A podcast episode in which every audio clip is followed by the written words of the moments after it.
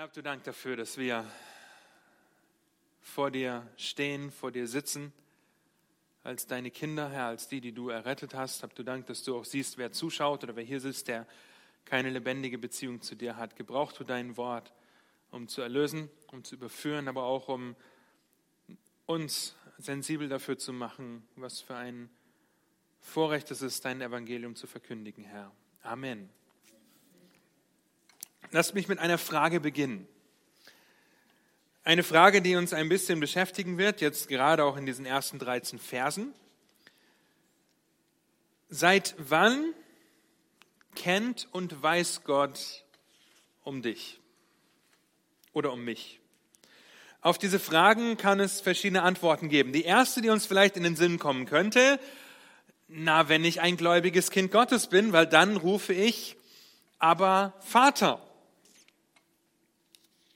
Seit da kennt Gott mich und weiß um mich. Nun, diese Antwort ist nicht ganz falsch, okay? Weil mit dem Zeitpunkt deiner Errettung stehst du in einer besonderen Beziehung zu Gott.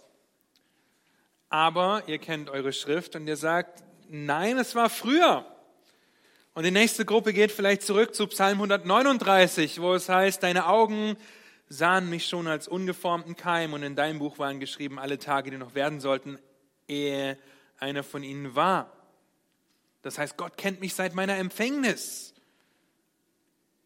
Wenn das nicht schon ermutigend genug ist, oder? Dass Gott uns seit der Empfängnis kennt. Er hat mich geformt im Schoß meiner Mutter, er kennt mich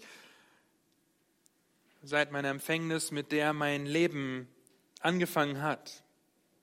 Nicht nur das, er kannte auch jeden Tag, der werden sollte.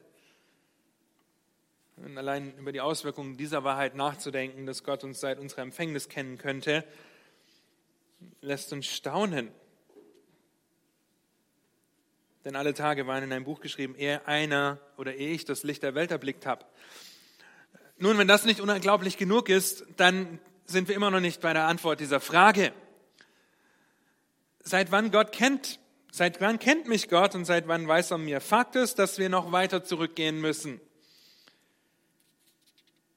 Ist es vielleicht seit der Verheißung des Messias in 1. Mose 3, Vers 15 oder gar noch früher zum Zeitpunkt der Erschaffung von Mann und Frau in 1. Mose 1 und 2?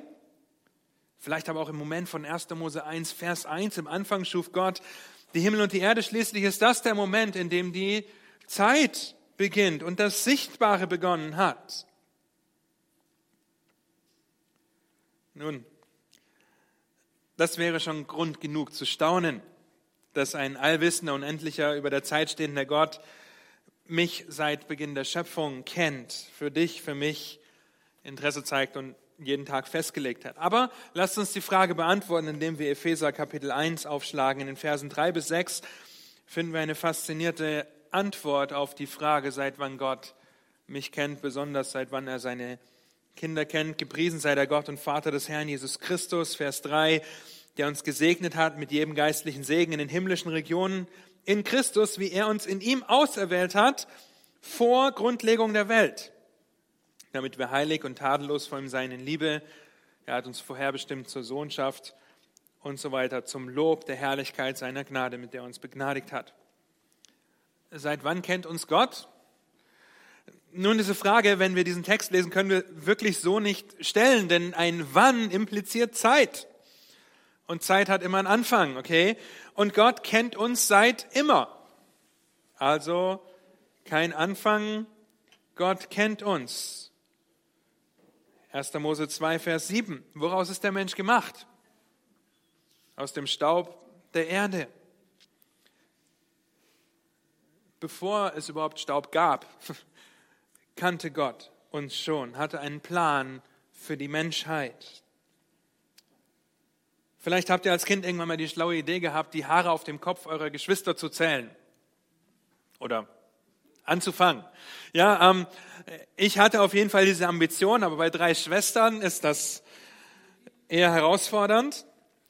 Und ich habe nicht lange gebraucht, bevor ich aufgegeben habe. Nun, sind wir uns bewusst, dass Gott exakt weiß, nicht nur wie viele Haare auf unserem Kopf sind, sondern in unserem ganzen Körper. Gott kennt jedes einzelne Haar, er kennt ganz genau die Muttermale, die Gebrechen. Er weiß, wie viele Poren wir haben. Bist du dir bewusst, dass Gott dich mit deinen Stärken und deinen Schwächen vor Beginn der Zeit das schon festgelegt hat, weil er alles in ein Buch geschrieben hat? Das ist kein Ups, Sam ist jetzt so, wie Sam ist und das ist ein Unfall. Nein, Gott wusste das ganz genau. Nicht nur das, er wusste auch ganz genau, dass wir in einer Zeit von Corona, von Covid-19 und nicht zur Zeit eines Weltkriegs groß werden. Er wusste, dass du, dass wir heute Abend uns hier versammeln, weil es in seinem Buch geschrieben ist. Jeder Tag, ehe einer von ihnen war. Gott weiß von jedem Menschen, der jemals gelebt hat, all diese Sachen gleichzeitig, ohne nachschlagen zu müssen, ohne, wenn wir ihn jetzt fragen würden, wie viele Haare hatte Abraham, dann muss er nicht erst in eine Kartei gehen, sondern er weiß das on the spot, sofort, ohne Nachdenken, ohne Wikipedia, ohne Google. Ja, darüber hinaus weiß er ganz genau, wie viele Sterne es im gesamten Universum gibt, nicht nur in dem, das bis jetzt uns bekannt ist, an welcher Stelle sie stehen und welchen Namen sie haben. Und allein das sollte uns schon anspornen, trösten, ermutigen, zu Gott zu fliehen, auf Gott zu vertrauen, denn er weiß nicht nur alles, nein, bei all seinen Entscheidungen, bei all seinem Wissen ist er der ewig gute, weise, barmherzige Gott. Kein Wunder also, dass der Psalmist in Psalm 147 schreiben kann, er zählt die Zahl der Sterne und nennt sie alle mit Namen. Groß ist der Herr und reich an Macht. Sein Verstand ist unermesslich. Der Herr richtet die Elenden wieder auf. Er erniedrigt die Gottlosen bis zur Erde. Nun, wir haben einen ganz genauen Platz in Gottes souveränem Plan.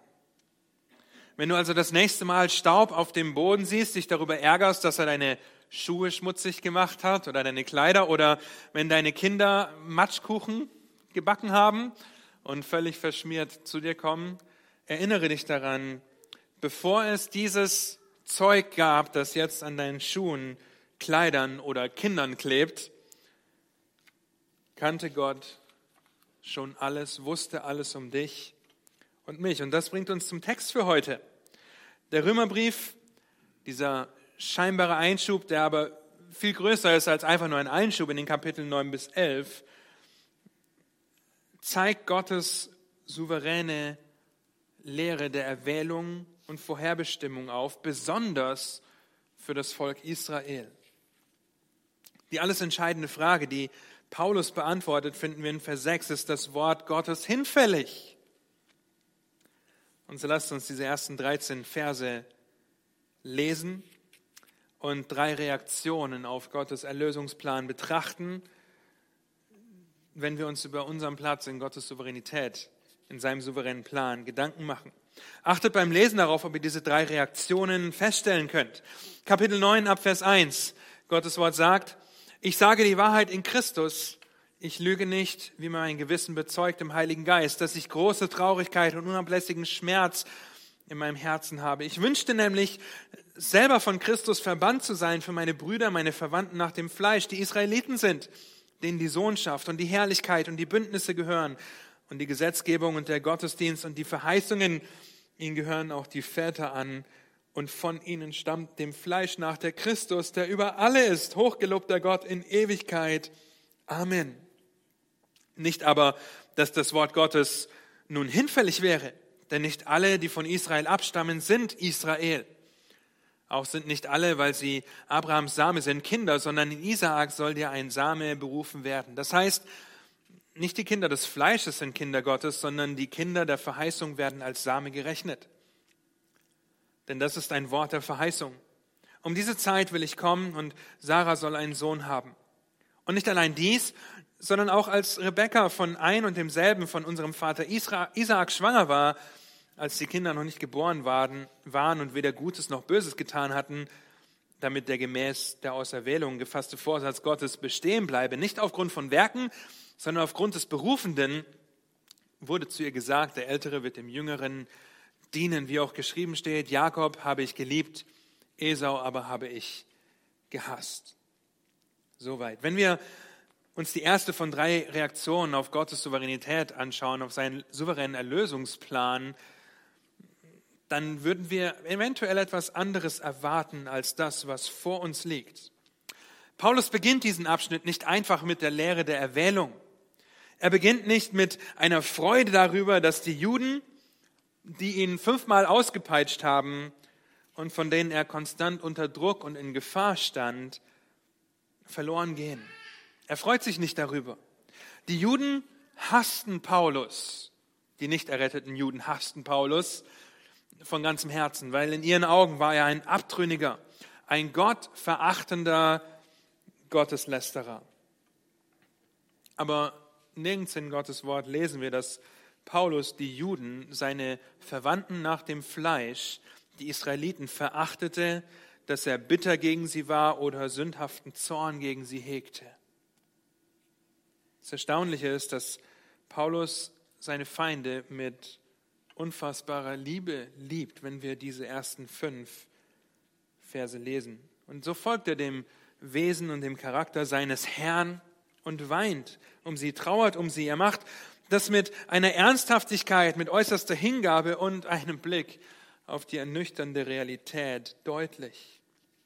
Er eifert für die verlorenen Menschen um sich herum. Nicht, weil er besser wäre, sondern weil er den kannte, der ihn errettet hat, der ihm ewiges Leben gegeben hat. Ein Autor schreibt dazu, Autor schreibt dazu Zitat, Paulus musste ihnen sein Herz offenlegen, bevor er sie theologisch belehren konnte. Zitat Ende. Die erste Reaktion auf Gottes souveränen Erlösungsplan sollte kein Zurücklehnen sein, sollte nicht einfach darin ausruhen, okay, ich freue mich über die Wahrheiten in Römer Kapitel 8, sondern es sollte ein Eifer für die verlorenen Menschen um uns, um dich herum sein. Lass uns das kurz im Text sehen. Wir werden unser Hauptaugenmerk darauf legen, weil der Rest der Kapitel sich wirklich auf die Souveränität bezieht. In Vers 1 beruft sich Paulus auf Zeugen.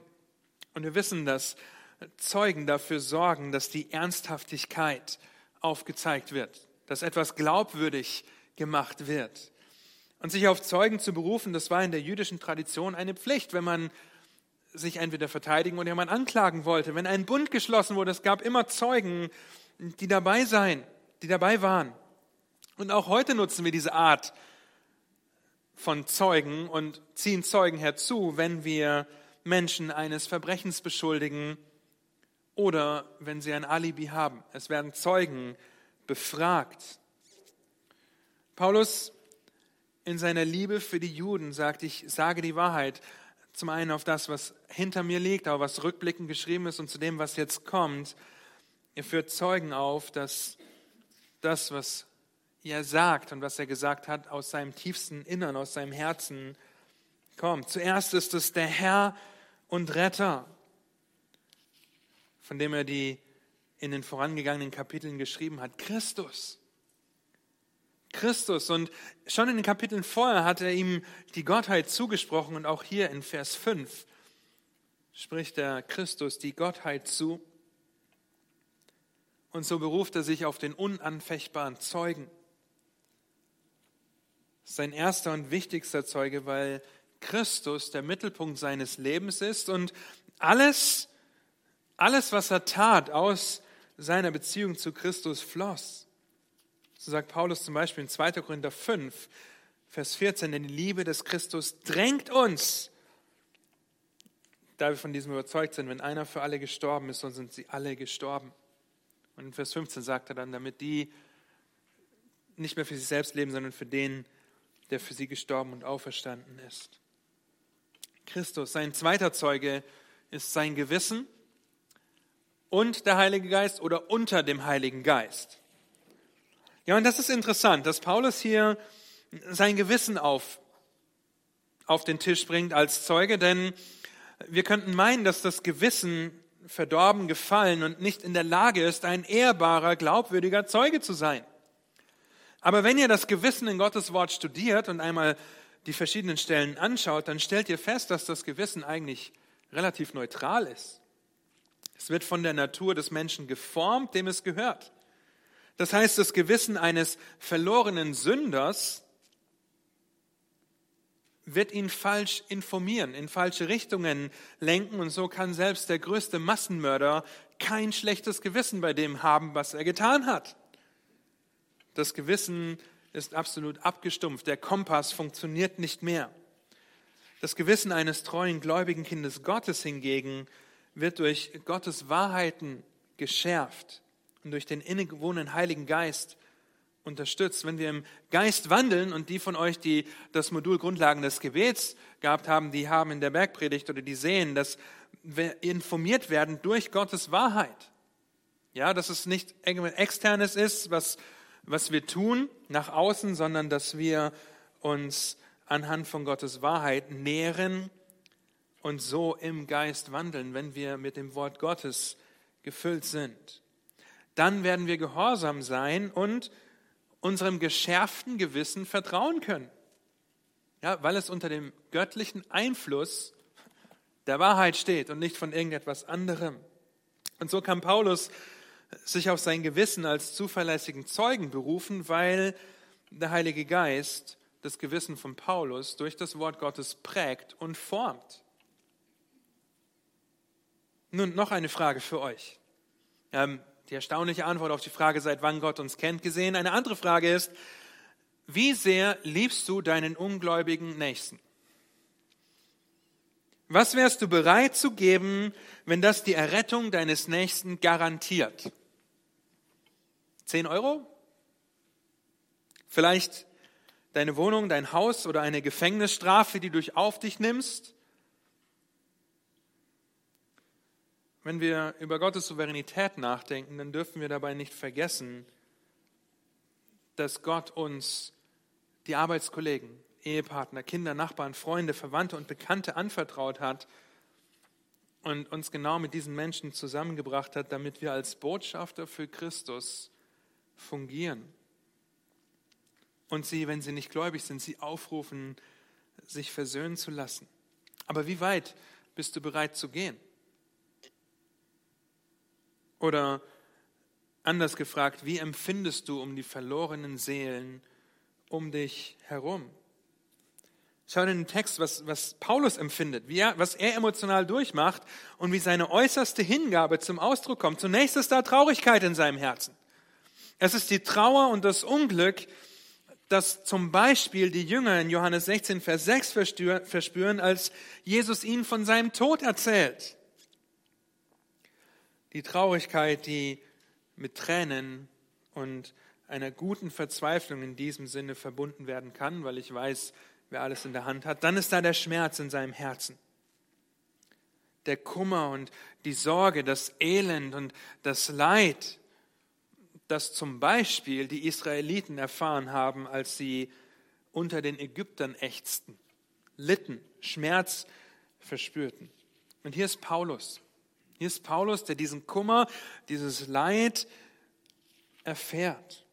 Sein Herz ist erschüttert, zerrissen von dem Gedanken, dass seine Verwandten nach dem Fleisch, die Israeliten, verloren gehen, weil sie zu einer der Kategorien gehören, die wir in Römer 1 bis 3 sehen.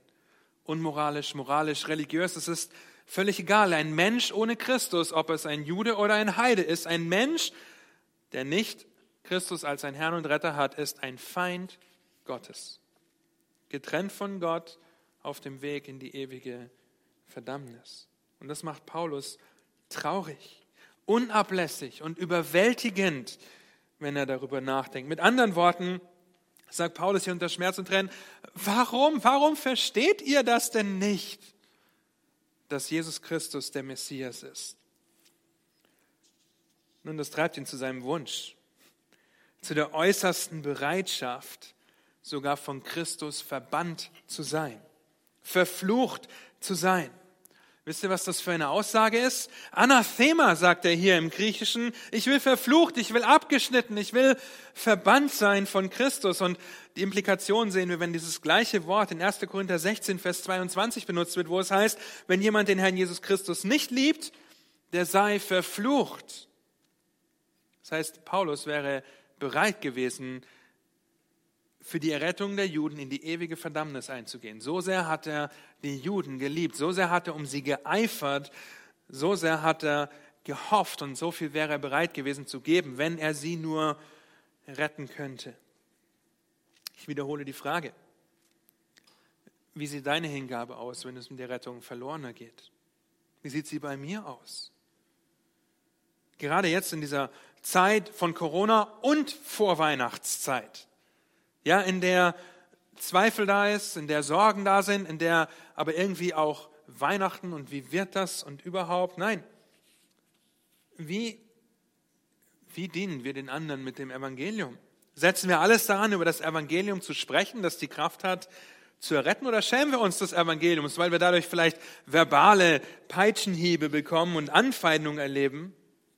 Vielleicht sagst du auch, ja, für meine Kinder, für meine Kinder wäre ich bereit, die Todesstrafe auf dieser Erde auf mich zu nehmen, weil ich dadurch ja in den Himmel komme. Aber bist du bereit, für deine Kinder in die Hölle zu gehen? Für immer? Auf ewig? So ein Eifer hatte Paulus für die Ungläubigen. Versteht mich nicht falsch, Paulus wäre niemals in der Lage, so wie wir niemals in der Lage wären, auch nur ansatzweise die Ewigkeit in der Hölle für irgendjemand anderen zu verbringen, dass er gerettet wird. Ja, aber den Eifer dieses Verlangen hat Paulus. Welche Möglichkeiten willst du nutzen in den kommenden Wochen ganz besonders für die Verlorenen zu eifern? Vielleicht ein, zwei Möglichkeiten, die ihr nutzen könnt. Zum einen stellen wir euch Kalender zur Verfügung und wollen als Wachstumsgruppenkalender verteilen eine Möglichkeit, auf Christus hinzuweisen. Zum anderen habt ihr vielleicht Nachbarn, mit denen ihr schon gesprochen habt, aber die irgendwie nicht dazu bewegen könnt, mal in den Gottesdienst zu kommen. Nun, verweist sie auf den Livestream, wenn sie ihre Anonymität erstmal nicht aufgeben wollen. Und ladet sie ein, den Livestream-Gottesdienst zu verfolgen, an dem ihr hier vor Ort teilnehmt, um die Versammlung nicht zu verlassen. Okay? Oder eure Nachbarn haben Kinder. Oder ihr habt Kinder und könnt mit euren Kindern Plätzchen für eure Nachbarn backen. Und wenn eure Nachbarn Kinder haben, ihnen zum Beispiel das Buch oder Hörspiel Das Geheimnis der Zuckerstange. Eine wunderbare evangelistische Geschichte über diese Candy Cones, wie heißt Zuckerstangen auf Deutsch, ja? Diese rot-weißen Zuckerstangen mit dem Evangelium verknüpft. Eine wunderbare Geschichte Gelegenheit, Hingabe zum Ausdruck zu bringen, auch was auch immer deine Nachbarn von dir denken mögen. Was bist du bereit zu geben, wenn es um das geht, was Gott für dich gegeben hat? Und was im Endeffekt das Einzige ist, was du geben kannst. Was bist du bereit zu geben, wenn es um das geht, was Gott dir gegeben hat und was im Endeffekt das Einzige ist, was du geben kannst? Eifere für die verlorenen Menschen um dich herum. Paulus trauert es bereit, sich hinzugeben. Aber er erkennt auch die nüchterne Realität an. Okay, die nüchterne Realität, die besonders auf die Juden zutrifft, mit acht Merkmalen. Manche machen hier neun daraus, weil sie die Israeliten am Anfang von Vers 4 noch dazu nehmen. Wir konzentrieren uns auf acht, die hier vorliegen, die er aufzeigt, zeigt Paulus auf, dass es nicht darum geht, was jemand weiß und was jemand anvertraut gegeben wurde. Das heißt, die ernüchternde Realität ist, dass du hier in der Gemeinde sitzen kannst, diese Predigt hören oder sehen kannst, als Kind immer in dieser Gemeinde sein kannst, jahrelang und die Wahrheiten der Schrift keinen Einfluss auf dich nehmen, weil du die Wahrheit unterdrückst und vertauscht, weil du sie nicht verstehst. Und diese Besonderheiten für das Volk Gottes, für die Israeliten ganz besonders, sehen wir zum einen die Sohnschaft. Vers 4 und 5. Die Sohnschaft Israel ist der erstgeborene Sohn Gottes. Ja, vor anderthalb Wochen haben wir über die Kinder gehört und haben gesehen, wie Gott sich über Israel erbarmt, wie über ein Kind, das auf dem Feld abgeworfen wurde. Okay, sie haben die Sohnschaft. Sie haben Herrlichkeit. Neben als, als Familie haben wir in den letzten Tagen über die Wolken- und Feuersäule nachgedacht, ja, die das Volk Israel geführt hat. Es war ein Anblick der sichtbaren Herrlichkeit, der sichtbaren Gegenwart Gottes. Und nicht nur das, später war sie im Tempel, vorher auf der Stiftshütte und sie wohnte mitten unter den Israeliten. Die Herrlichkeit Gottes, die Summe seiner Eigenschaften, die Größe, die Ausstrahlung. Nun, und dann im Neuen Testament sehen wir, dass die Ausstrahlung der Herrlichkeit Gottes Christus war. Christus, der ein Mensch wurde, der unter ihnen wohnte, aber sie nahmen ihn nicht auf. Johannes 1, Vers 14.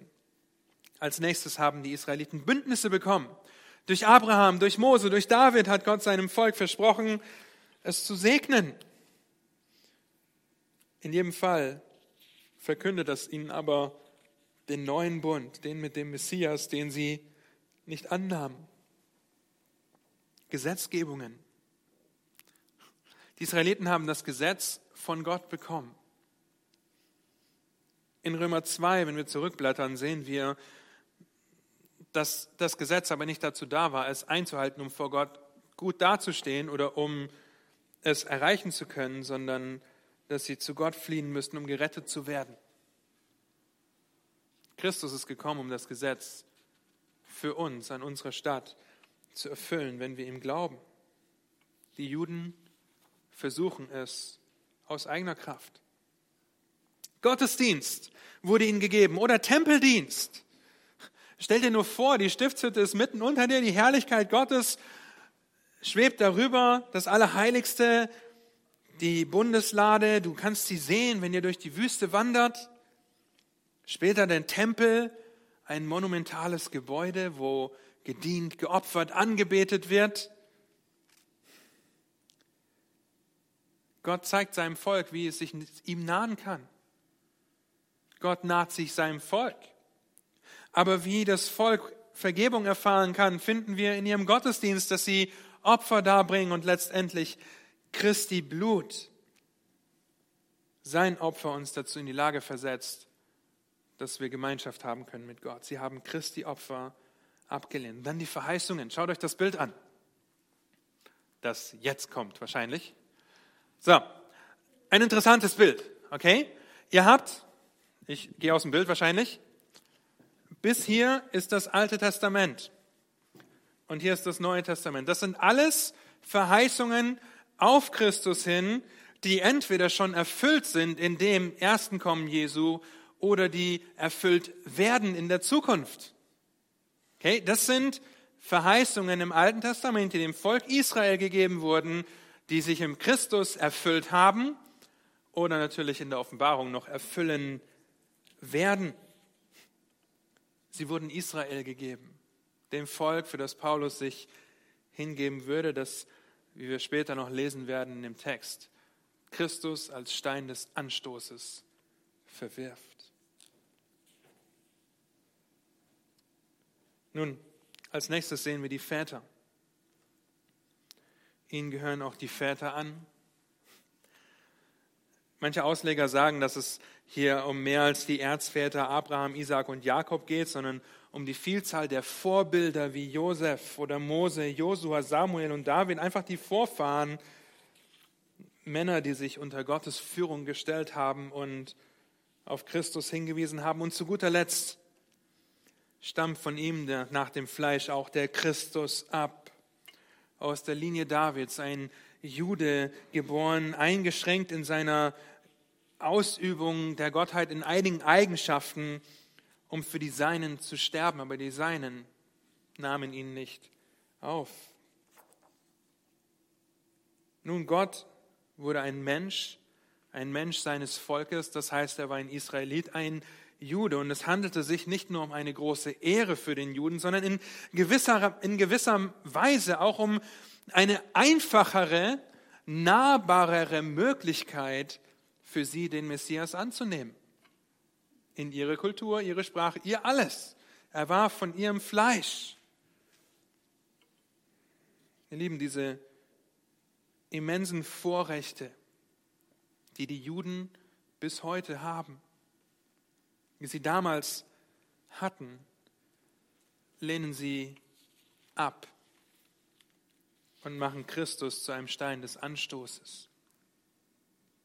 Und das realisiert Paulus. Sie haben das alles und doch erkennen sie die Wahrheit nicht.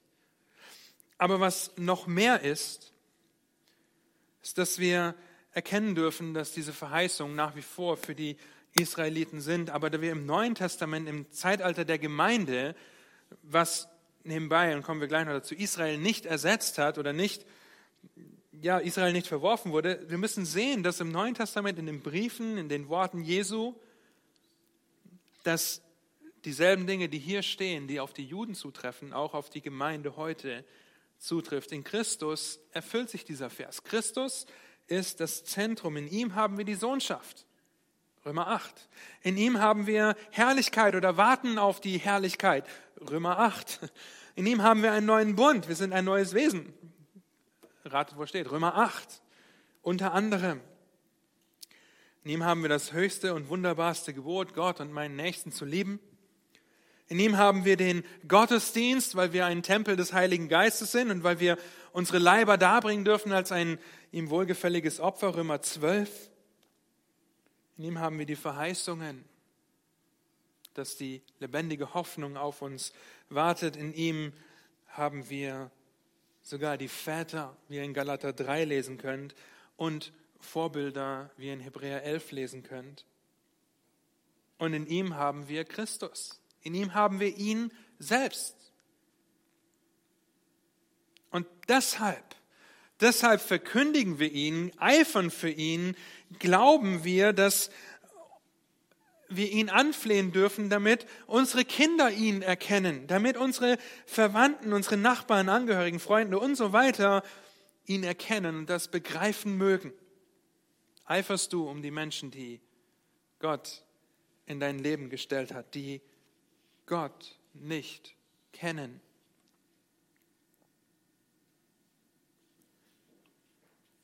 Nun, wenn Gott uns an unseren Platz gestellt hat, müssen wir zweitens die Erwählung erkennen. Die Erwählung und im nächsten Vers macht Paulus die Aussage, die er in den nächsten Kapiteln verteidigt. Ist Gottes Wort hinfällig? Nein, ganz und gar nicht. Es wird in den nächsten Versen mit Gottes Verheißung seiner Person, mit der Offenbarung, mit der Errettung allein durch Glauben deutlich gemacht. In den nächsten Versen und Kapiteln. Paulus will in den folgenden Kapiteln deutlich machen, dass nicht alle, die zum physischen Israel gehören, auch zum geistlichen Israel gehören. Und jetzt fangen wir erst an mit der Lehre der Erwählung. Ja, und wie gesagt, wir werden das heute nicht allumfassend und abschließend abhandeln, aber wir möchten damit anfangen. Nicht alle, die von Israel abstammen, sind Israel.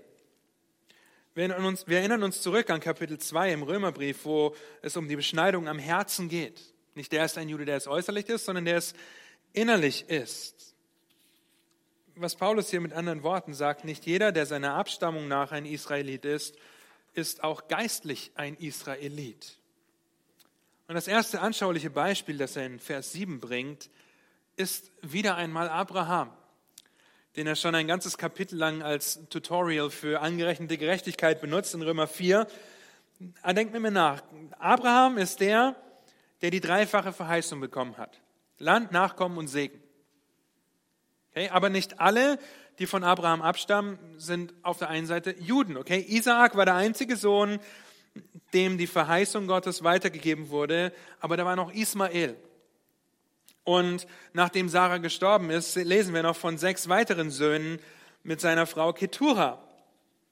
Aber keiner von ihnen hat die besondere Verheißung Gottes bekommen. Isaak war der erwählte Verheißungsträger. Jetzt kann man hier sagen, okay, stopp. Ja, wenn wir zu Abraham zurückgehen, man könnte jetzt in die Gefahr kommen und sagen, dass wir das geistliche Israel sind, weil nicht jeder, der Israel ist, ist Israel, wie es in Vers 6 heißt. Aber Paulus wird gleich noch weiter ausführen, warum das nicht der Fall ist, wenn er zu den Zwillingssöhnen von Isaak kommt, die eindeutig beide leibliche Abstammung haben. Okay, und nicht irgendwie Halbbrüder sind, Halbgeschwister sind. Wir kommen da gleich noch dazu. Aber in Vers 7 gebraucht Paulus ein Wort, berufen. In Isaak sollte ein Same berufen werden. Dieses Wort ist ein Rufen, ein Kennen, ein beim Namen rufen oder einen Namen bekommen, und zwar hier von Gott. Und wenn es um äh, diese Kapitel im Römerbrief geht, dann dreht es sich um die Israeliten, um die Juden. Und trotzdem lernen wir unendlich viel über Gottes souveränen Akt der Erwählung. Und so wollen wir das zusammen ein bisschen betrachten, überschneidend betrachten und uns als erstes die Frage stellen, wie kommt der Mensch auf die Erde? Geistlich krank oder geistlich tot? Geistlich tot, getrennt von Gott. In Römer 4, Vers 17b heißt es über Gott, der die Toten lebendig macht und dem ruft, was nicht ist, als wäre es da. In Epheser 2 lesen wir davon, dass wir tot waren über Übertretung unserer Sünde. Nun, wann wart ihr das letzte Mal auf einem Friedhof? Und habt ihr die, die Toten gesehen, wie sie sich um die Gräber gekümmert haben, den Rasen gemäht, die Blumen gepflegt? Tote können nichts tun, außer, irgendjemand hat das mal gesagt, stinken und verwesen. Was Paulus hier sagt, ist, dass Gott derjenige ist, der ruft, der beruft, der zu sich ruft. Er macht das. In Römer 8, Vers 30 sehen wir, dass das seiner Vorherbestimmung läuft, äh, nach der Vorherbestimmung kommt, vor Grundlegung der Welt. Und das trifft auch auf Israel zu. Wir müssen verstehen, dass wenn ein Jude, ein Israelit, ein Israelit ist, er nicht automatisch ein erretteter Israelit ist. Okay, ich kann ein physischer Nachkomme Abrahams sein, ein Israelit, ein Jude, aber ich kann das Evangelium von Christus ablehnen und damit bleibe ich ein physischer Jude, der verloren gehen wird. Wenn ich das Evangelium annehme, dann bin ich geistliches Israel, dann bin ich ein geretteter Jude, der in diese Verheißung, in diese Aussage von Vers 6 kommt. Nicht alle, die von Israel abstammen, sind Israel. Das heißt, und hier haben meine Mitältesten mir wunderbar geholfen, als ich das studiert habe und dann habe ich die Frage gestellt, okay, wie, wie ordne ich das ein? Und Dieter hat, hat wunderbar geschrieben und hat einfach gesagt, wenn Israel Israel ist, dann ist Israel Israel. Okay, und nicht irgendetwas anderes. Ja, und so können wir einfach uns davor schützen und sagen, okay, und schützen davor, dass wir meinen, wir gehören jetzt zum geistlichen Israel. Wir gehören zur Gemeinde, die Israel nicht ersetzt hat. Okay? Juden, die gläubig werden, werden jetzt Teil einer Gemeinde sein, aber Gott wird sich seinem Volk, den Israeliten, wieder komplett zuwenden in der letzten Zeit. Und wir werden das in den nächsten Kapiteln noch weiter und intensiver behandeln. Ja, Gott erwählt nach seinem Vorsatz immer einen Überrest aus seinem Volk, die auch zum geistlichen Israel gehören. Es geht nicht um leibliche, sondern geistliche Abstammung. Nun, heute ist neben dem Volk Israel die Gemeinde hereingekommen, weil wir jetzt Nutznießer davon sind, dass Israel das abgelehnt hat. Wir sind die Nutznießer und Gott wirkt durch die Gemeinde und in der Gemeinde haben Juden, haben Israeliten ihren Teil. Aber wir müssen die Gemeinde von Israel differenzieren. In dem Buch Biblische Lehre heißt es, Zitat, obwohl die Gemeinde an den Segnungen des neuen Bundes teilhat, wird Gott in Zukunft seine Aufmerksamkeit wieder dem Volk Israel zuwenden, um seine Verheißungen für sie zu erfüllen. Zitat Ende. Wir sind das gelüftete Geheimnis, dass auch Heiden zum Glauben kommen und gerettet werden. Auch wir erwarten die Erlösung unseres Leibes. Auch wir dürfen Kinder der Segnung und der Verheißung sein. Und wir können dieses Lied singen. Wir sind Kinder, wir stehen hier als Kinder der Verheißung. Aber Römer 9, 10 und 11 und auch an anderen Stellen dürfen wir die Gemeinde nicht mit Israel verwechseln. Aber lasst uns im Text fortfahren. Und die letzte Reaktion sind. Wir haben gesehen, wir eifern, wir erkennen die Erwählung und wir werden uns intensiver damit beschäftigen und wir erfreuen uns an Gottes souveränen Plan.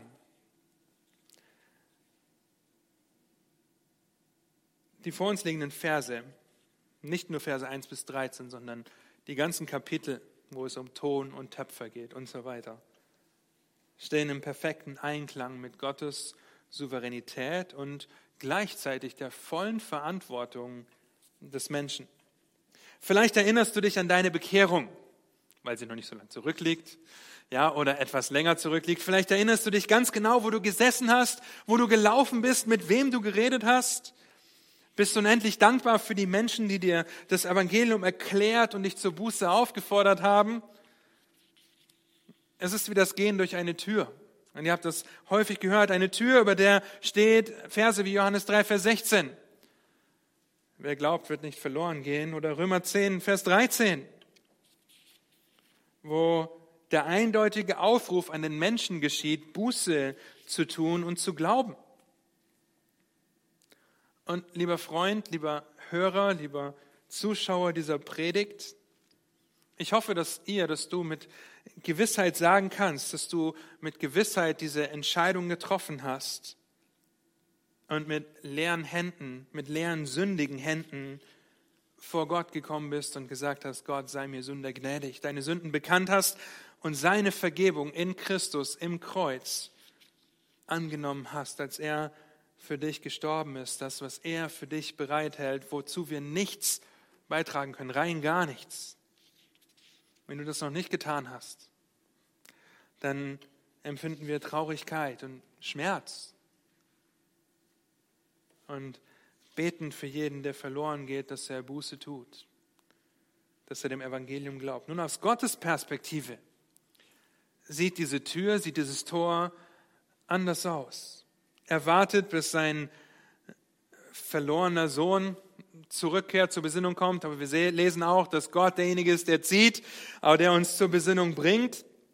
Nun, über dem Torbogen der Tür aus Gottes Perspektive steht, er wählt vor Grundlegung der Welt. Berufen nach meinem Vorsatz, nach meinem Plan. Und ihr Lieben, wir werden da etwas tiefer reingehen, aber keiner, der nicht glauben will, muss das tun. Und jeder, der glauben will, dem wird es nicht verwehrt.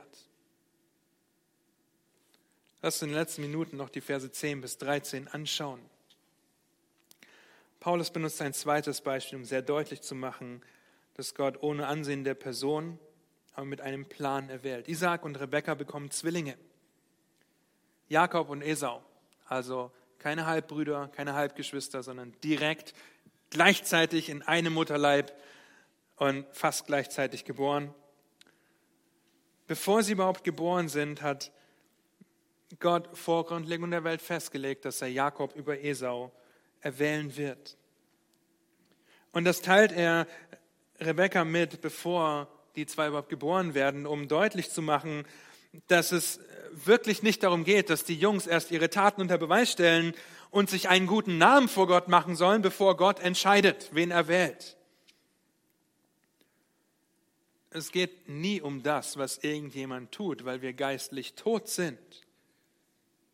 Es geht um den, der beruft. Jakob geliebt, Esau gehasst. Ihr habt auf diesen Vers gewartet wahrscheinlich. Was heißt das? Nun, es belegt nicht, wie einige meinen, die doppelte Erwählungslehre.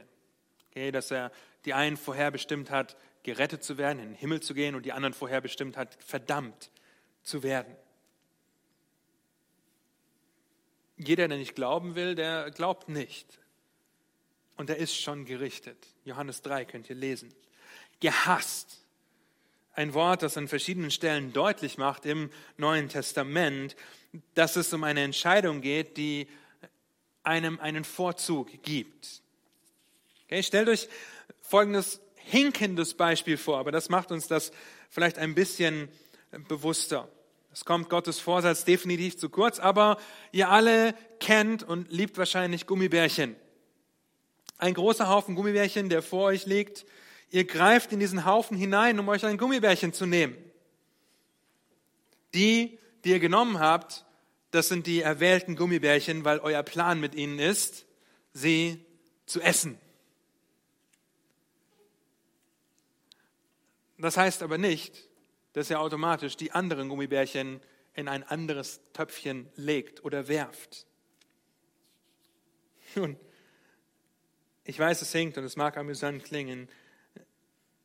In Gottes souveränen Plan stellt er seine Größe, seine Souveränität, seine Erhabenheit unter Beweis, indem er Rebekka verheißt, dass der Jüngere dem Älteren dienen wird, ohne Ansehen der Person. Ohne Ansehen der Person erwählt und dennoch mit einem gezielten Plan.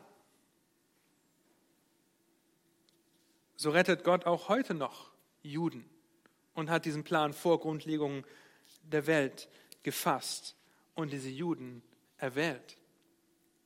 So errettet er Heiden, dich und mich, wenn ihr keine Israeliten, keine Juden seid, die er vor Grundlegung der Welt erwählt hat. Dass wir als Gemeinde hier sitzen, die wir zum Großteil aus Heiden bestehen, hängt nicht damit zusammen, dass Gott festgestellt hat, oh, die Juden, die wollen mich gar nicht haben, ja, und jetzt muss ich mir überlegen, was ich jetzt mache. Nein, alles vor Grundlegung der Welt. Wir werden das in Kapitel 11 noch näher sehen. Nun, der Platz eines erretteten Juden und dein Platz in Gottes souveränen Plan ist absolut sicher, weil Gott der Berufende ist. Nicht, weil ich irgendetwas dazu beitragen kann. Im Zeitalter der Gemeinde sind wir der Leib Christi, bis Gott seine Aufmerksamkeit wieder völlig seinem Volk zuwenden und den Überrest retten wird. Das Wort für Gemeinde im Griechischen ist Ekklesia, Herausgerufene. Wir sind Herausgerufene, Berufene. Gott hat uns geistlich lebendig gemacht. Und darüber sollten wir uns freuen. Wir sollten über die Erwählungslehre nicht wütend werden, nicht zornig oder nicht traurig oder mit mangelndem Vertrauen, sondern freudig. Gleichzeitig sollten wir auf die Erwählungslehre nicht passiv reagieren und uns einfach zurücklehnen und sagen, Gott rettet die, die er erwählt hat, sowieso. Was braucht er mich noch dazu? In Kapitel 10 werden wir mehr dazu hören. Nun, was jetzt? Sollten wir über die Erwählungslehre streiten? Nun, das könnten wir tun. Aber warum sollten wir das tun, wenn von Anfang an feststeht und wir von Anfang an sehen, dass Gott der Drahtzieher ist? Dass Gott derjenige ist, der am längeren Hebel sitzt und er sowohl Juden als auch Heiden errettet und erwählt. Was ist das Schlüsselereignis nach der Sprachverwirrung in 1. Mose 11? Dass Abraham auf die Idee kommt, Gott zu gehorchen? Und Abraham auf die Idee kommt, in ein verheißenes Land zu gehen, von dem er noch nie gehört hat? Nein, dass Gott Abraham erwählt und sich ihm zuwendet und aus ihm eine Nation macht, ihn erwählt vor Grundlegung der Welt.